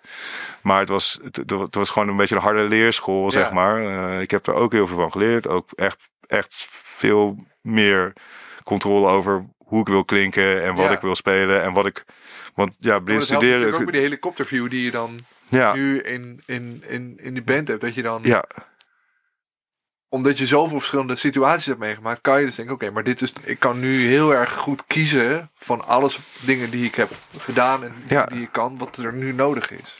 Ja, dat klopt. Ja, en ik denk in dat opzicht ook wel dat het dat blinde studeren, zeg maar, dat, dat kan dan ook wel weer. Want als je, ik heb ook dus de neiging om alleen maar te studeren, omdat ik denk, oh, maar ik wil hier dat hier. Of, of, of een of andere plugin heeft iets van. de gedaan, omdat er iets met per ongeluk een arpeggiator op 64ste of zo ergens in de automation aanging of zo. Ja, En er zit iets. En, je, en het kan eigenlijk helemaal niet. En dan denk ik, oh, maar ik wil het wel eigenlijk wel op bas gewoon wel spelen of zo. Dan ga ik wel gekke dingen doen om te kijken hoe ik dat op een basgitaar eigenlijk dan misschien. Ja. Het zou een reden kunnen zijn om iets uit te zoeken wat ik nog niet kan. Eh, maar het nadeel aan op die manier studeren is wel dat je dus dat altijd doet naar aanleiding van iets wat er al is. Ja. Eh, dus eh, het voordeel van het kleine beetje blind studeren, wat me dan af en toe wel lukt, eh, is wel dat je het geeft je ook eh, een soort vocabulaire of zo om je, je gaat er ook weer nieuwe dingen van er verzinnen. komt echt iets Er nieuws. zeg komen, maar, ja. ja. je geeft jezelf wel meer kans om, om nieuwe dingen te, te spelen of nieuwe dingen te verzinnen of te schrijven.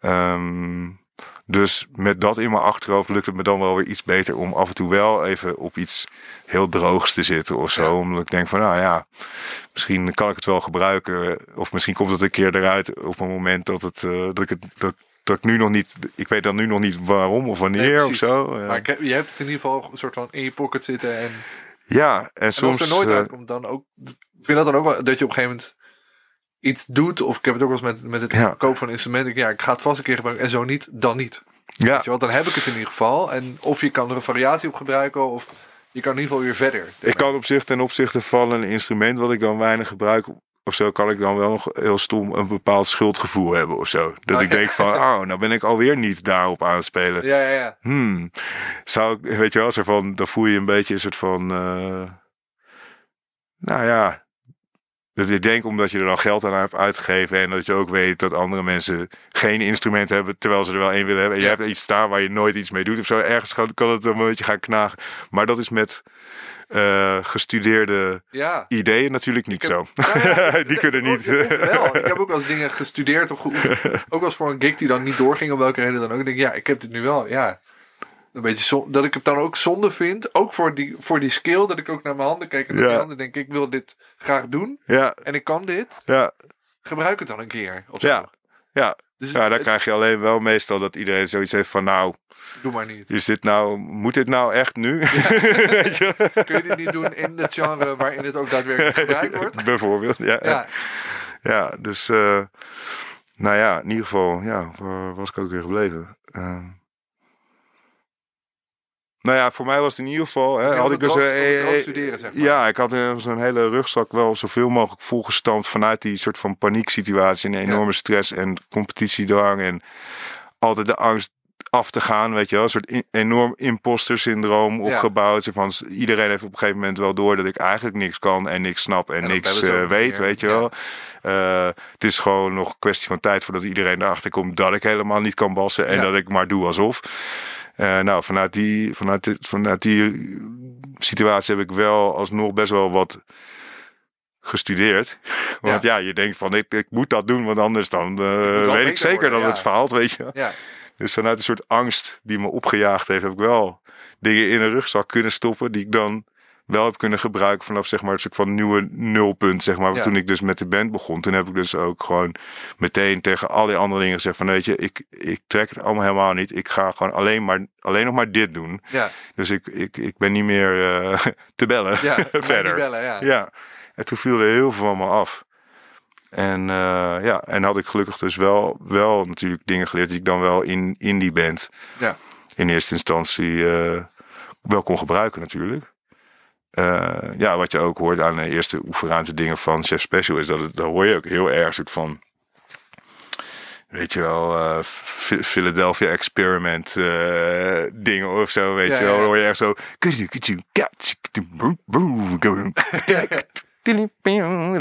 Of ja, weet ik veel. Gewoon zitten best wel gekke fusion dingen in de eerste Chef Special eh oefenruimte Ja. demo's en Zo. Gewoon even uitproberen bij elkaar van wat werkt er en wat is het soort van het... Ja, en dat hadden we ook. Ja, weet je wel, ja, onze drummer dan, die had dan niet eh, gestudeerd aan een conservatorium of zo. Maar wij met z'n drieën hadden wel af, ook wel van dat soort, soort van projectjes gedaan. Waar Ja. dat, dat ook echt een ding was, weet je wel. Zo van, eh, eh, dus ja, ook misschien logisch dat je dan dat eerst meeneemt. Maar het is, als, je, als je nu zeg maar wat bijvoorbeeld onze volgende single wordt of zo. En je legt dat naast die eerste oefenruimte dingen. Dan denk je van, oh ja.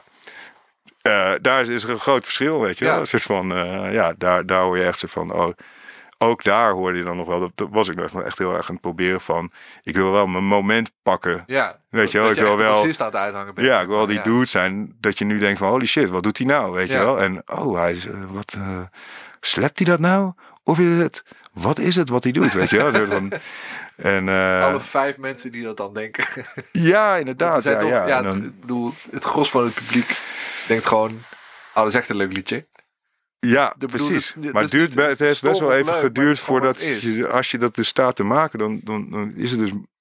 Het duurt gewoon even voordat je, voordat je dat vanuit dat perspectief Ja, kan gaan zien terwijl je het aan het doen bent of zo. ja. Want natuurlijk, als, ik, als je het mij toen had gevraagd, had ik dat ook wel gezegd. Weet je wel? Van het gaat om het, weet je wel, hè, het liedje en het gaat om wat, hè, dat die mensen het eh, snappen en dat, dat die dat meekrijgen en dat, die, hè, dat je die emotie overbrengt of zo. Ik had het, weet je, er is denk ik toch een heel groot verschil tussen op papier of in theorie iets Ja. weten en snappen. En, eh, en dan misschien eigenlijk uiteindelijk als je als het je een keer echt begint te lukken om terwijl je speelt een soort van dat hele andere perspectief tegelijkertijd een soort van ook te hebben, dan merk je pas dat het, dat, dat dan toch echt iets anders is dan weten dat dat zo zit. Ja. Gewoon alleen maar in je hoofd dat weten of, of een soort van. Ik denk dat ik eigenlijk min of meer altijd wel dezelfde dingen daarover heb gezegd. ja. Maar voor Maar mijn gevoel is alles toch heel anders nu of Ja. zo. Ja, ik weet niet. Ja, je moet eigenlijk tegelijkertijd, terwijl je het liedje speelt, moet je ook naar het liedje luisteren of zo. Je ja, moet eigenlijk twee perspectieven hebben. Ja, dat, dat, eh, dat is een soort van. Ik denk dat, dat je ook het lekker speelt als je niet bezig bent met spelen, om het Nee. maar zo te zeggen. Weet je wel? Maar als je dus daar al liedje. zit, dan. En al, ik denk dan.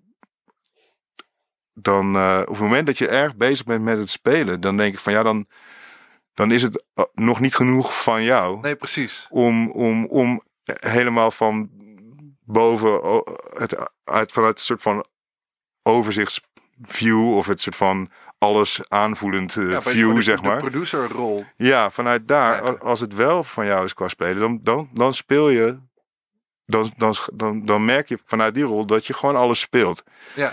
Ehm, en dat het een soort van als een warm mes door de boter gaat of zo. Ja. Eh, terwijl als die twee views soort van los van elkaar bestaan en je bent aan het switchen heen en weer en je zit in het je spelende zelf, die is dan zijn best aan het doen om te spelen. Ja, En eigenlijk, ja, dat- heel oneerbiedig gezegd, dat is wat je dus thuis moet doen, zeg maar. ja, je moet eigenlijk niet, je moet eigenlijk niet moet eigenlijk niet je best doen.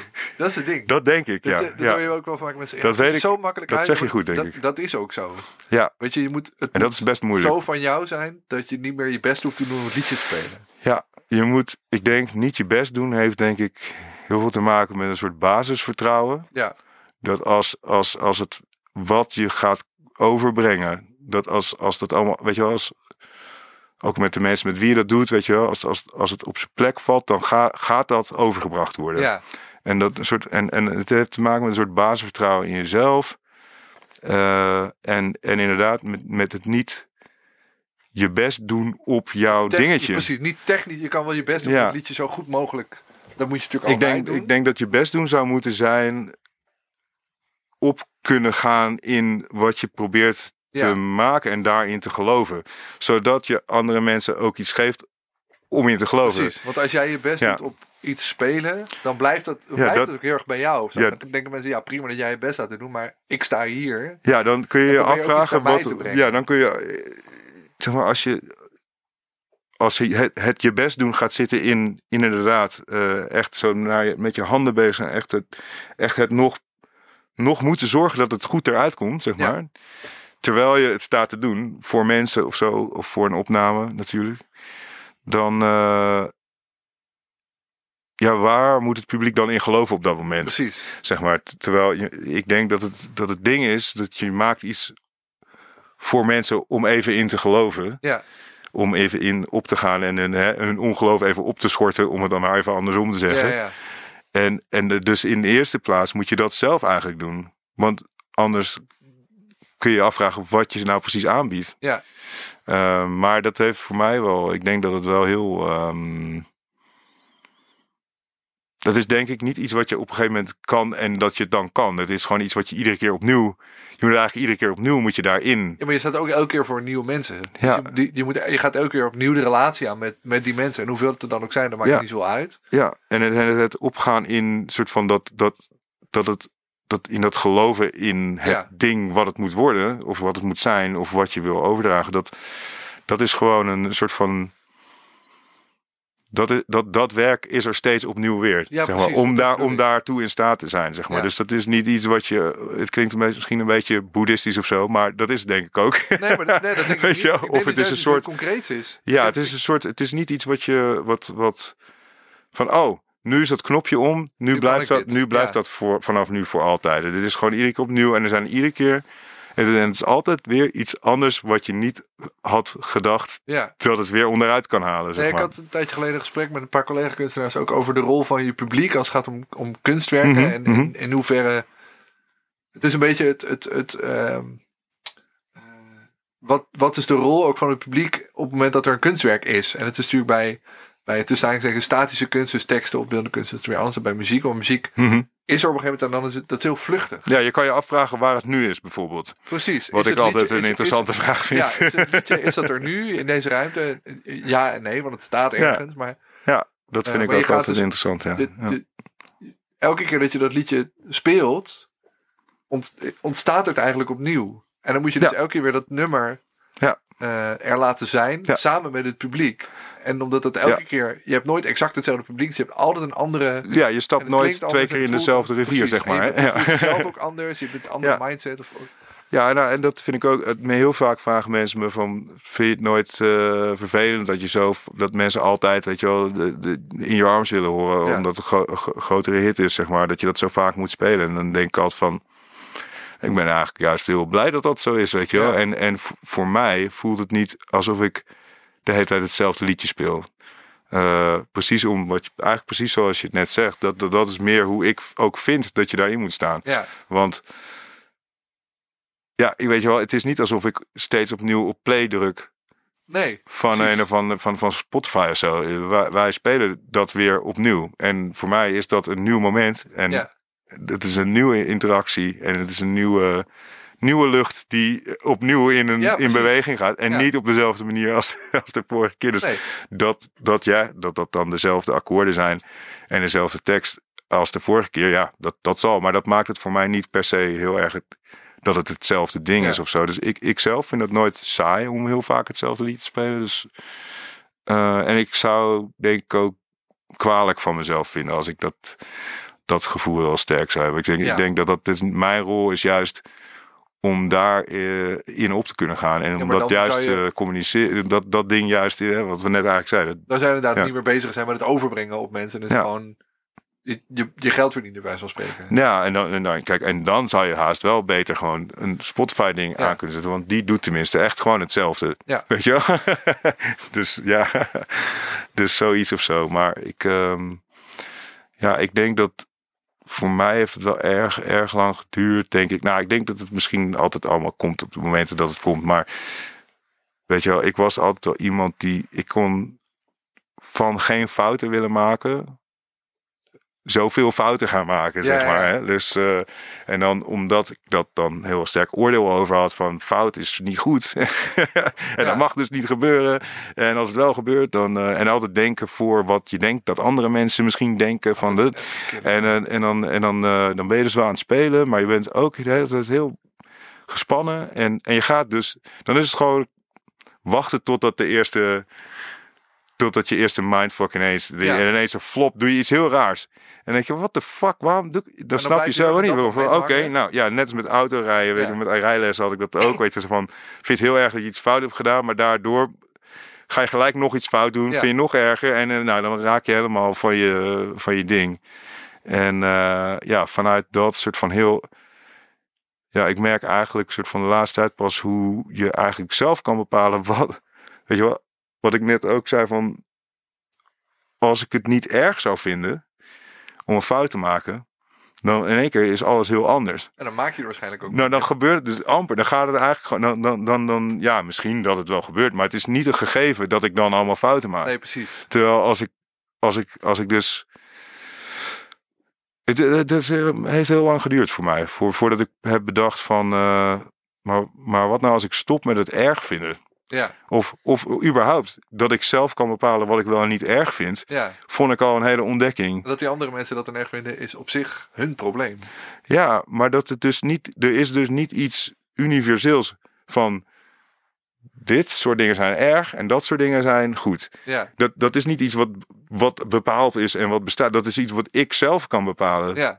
En dat inzicht of zo, dat heeft voor mij een heleboel veranderd. Dat ik dus dacht van oké, dus...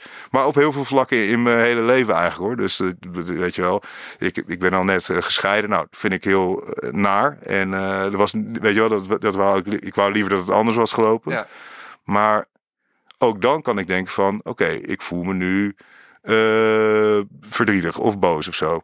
En dan denk ik, maar is dat erg? en als je dan bepaalt van dat is eigenlijk helemaal niet erg, Het is gewoon dan ben je is. niet van dat boze of verdrietige gevoel af, maar je bent wel af van het verzet tegen dat boze Ja, ja, ja. verdrietige Oh, ja. gevoel. En, en waar je eigenlijk is 90% van waar ik dan, daar kom ik dan voor mezelf achter, waar ik dan wat, wat echt de boel echt verziekt, Dus dat je dat is, erg vindt. is het erg vinden ervan. En, en zo werkte dat dan voor mij ook met, die, met, het, met het hele idee van fouten maken is, is heel erg. Eh, ja, als dat soort van ingebakken zit, dan, dan ga- wordt dat een soort motortje wat juist die fouten maakt, juist die fouten gaat veroorzaken. En Ja. dan is dat eigenlijk eh, ja, heel tragisch. Want je kan dus ook, blijkbaar kan je dus ook bedenken van, je kan dus ook voor jezelf bepalen eh, dat je fouten maken niet erg vindt. Ja. En dat wist ik niet. en dat is dus wel, wel bijzonder, vind ik. En ik denk gewoon dat ik eerder gewoon veel chaotischer daarin was. En veel meer onbewust allerlei keiharde oordelen over mezelf had. En daardoor juist dingen ging doen waarvan ik dan vond dat, ik, dat ze nooit zouden mogen gebeuren. Weet je? Ja. Terwijl nu kan ik af en toe momenten hebben dat ik denk van... Mooi dit, weet je wel? Ja. En, eh, en dat ik het gewoon aan dat, dat, dat, dat ik gewoon aan het spelen ben. En dat het dan eh, voor mijn gevoel gewoon klopt of zo. Dat ik dan denk van ik vind dit, ik vind wat ik nu aan het doen ben en waar ik mee bezig ben, ik, vind ik, vind ik eh, mooi. Ja. Weet je wel? Dat Of, en dat is het of- belangrijkste. of Gewoon, niet eens dat ik zeg van het dus niet goed of zo of, of, of, of eh, knap. nee, Maar gewoon dat ik denk, ja, dit, dit doet iets met mij of zo. En dan voel ik wat ik aan het spelen ben. En dan, en ja, en dan is een fout of niet. Al, al glipt er iets onbedoelds, dan, dan valt het gek genoeg altijd weer ook weer op een manier soort van erin dat het dat het gewoon niet is. per se amuzikant radicaal is als je dat al zou, Ja. eh, zo'n term dan nog zou moeten gebruiken, zeg maar. Of zo. En dat is dan gewoon, het is gewoon een heel groot verschil van hoe je erin staat. Of zo. Het is eigenlijk een soort van, eh, gewoon hart tegen hart. Zo van, het moet goed en ik wil de beste en ik deed en ik en nu. Tegen een soort van, eh, de- weet je wat ik dan nu ontdek is echt van de kracht van een soort van zachtheid of zo. Ja. En een soort van zacht ontvangen of zo. In plaats van, eh, weet je wel, eh, een uitnodigende eh, houding of zo hebben. En, eh, en, en een zacht ontvangen. In, in, plaats van hard op hard, Ja. keihard acht uur per dag studeren. Ja, dat zou misschien. Kijk, ik zie dus nu wel voor me dat je acht uur per dag zou. Ik vind nu het idee dat je een keer acht uur per dag studeert of zo. Of dat je dat misschien elke dag zou doen. Ja. Vanuit hoe ik nu beleef, kan ik me dat nog wel voorstellen ook. Ik Ja, zie het mezelf niet, niet meteen doen. Maar ik, ik, ik vind het niet meer zo'n totaal onwerkelijke idee dat je als mens dat zou doen. Want ik denk van ja, maar vanuit een hele zachte beleving en, en een soort van.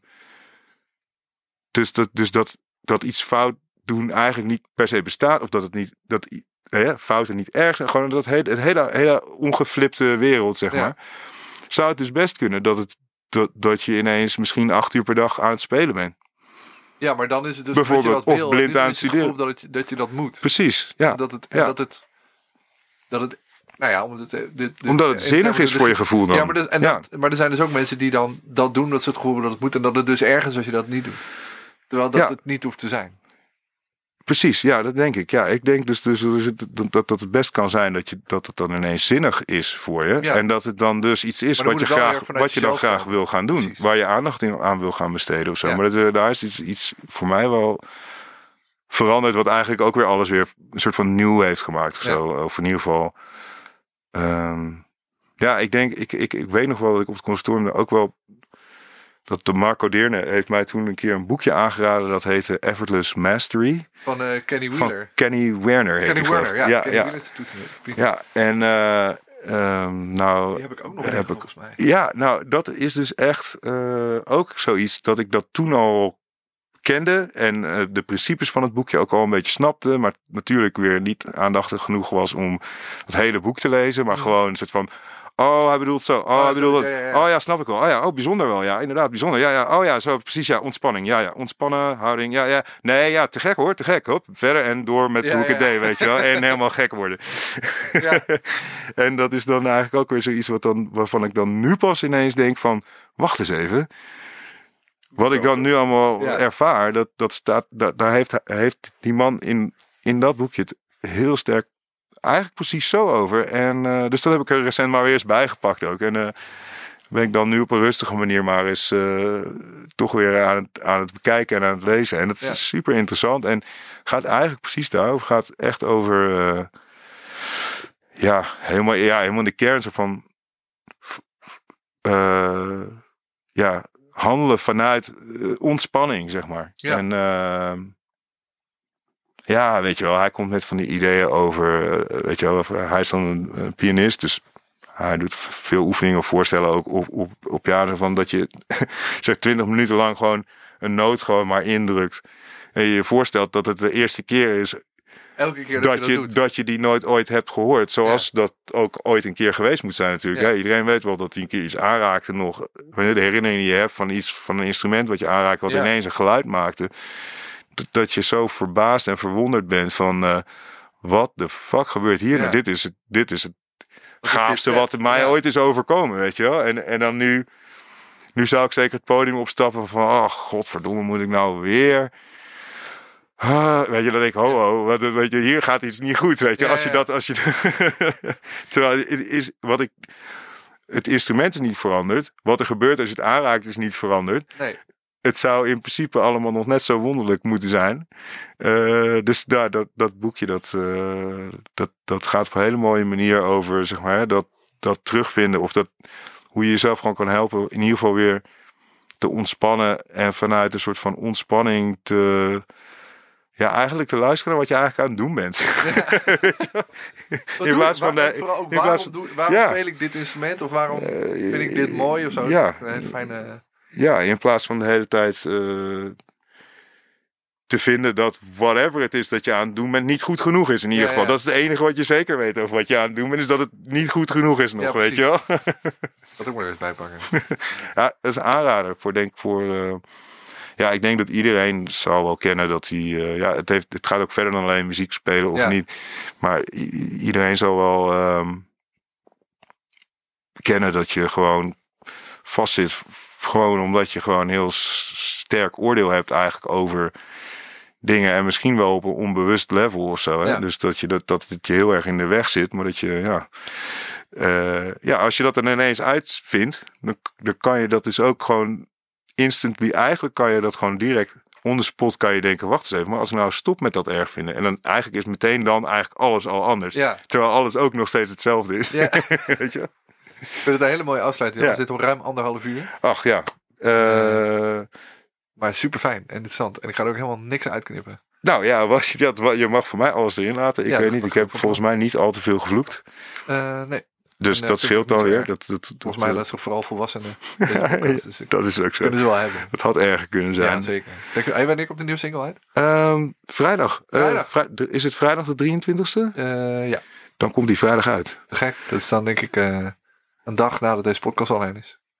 En die gooi ik denk ik donderdag eruit. Nou, top. Dat is leuk. Nou, dan hoop ik dat mensen eh, vrijdag eh, ook even gaan luisteren. dat gaan ze Eh, zeker doen. Ik heb, me, ik heb mijn best gedaan om de, om de plug-in bas te bieten. En dat het feit dat, ik erop, dat, dat het een echte bas is geworden, Dat zegt toch genoeg. dat het is gelukt. Mooi. Dankjewel man. Graag gedaan. Je luistert naar de Basgasten en dit keer was ik in gesprek met Jan Derks. Basgasten wordt gemaakt door mij, Hidde Muziek is van Tyranny Vlog. Vergeet je niet te abonneren op de podcast op je favoriete podcastplatform, de playlist te checken, een review achter te laten en vriend te worden op Vriend van de Show. Bedankt voor het luisteren en binnenkort weer een nieuwe aflevering.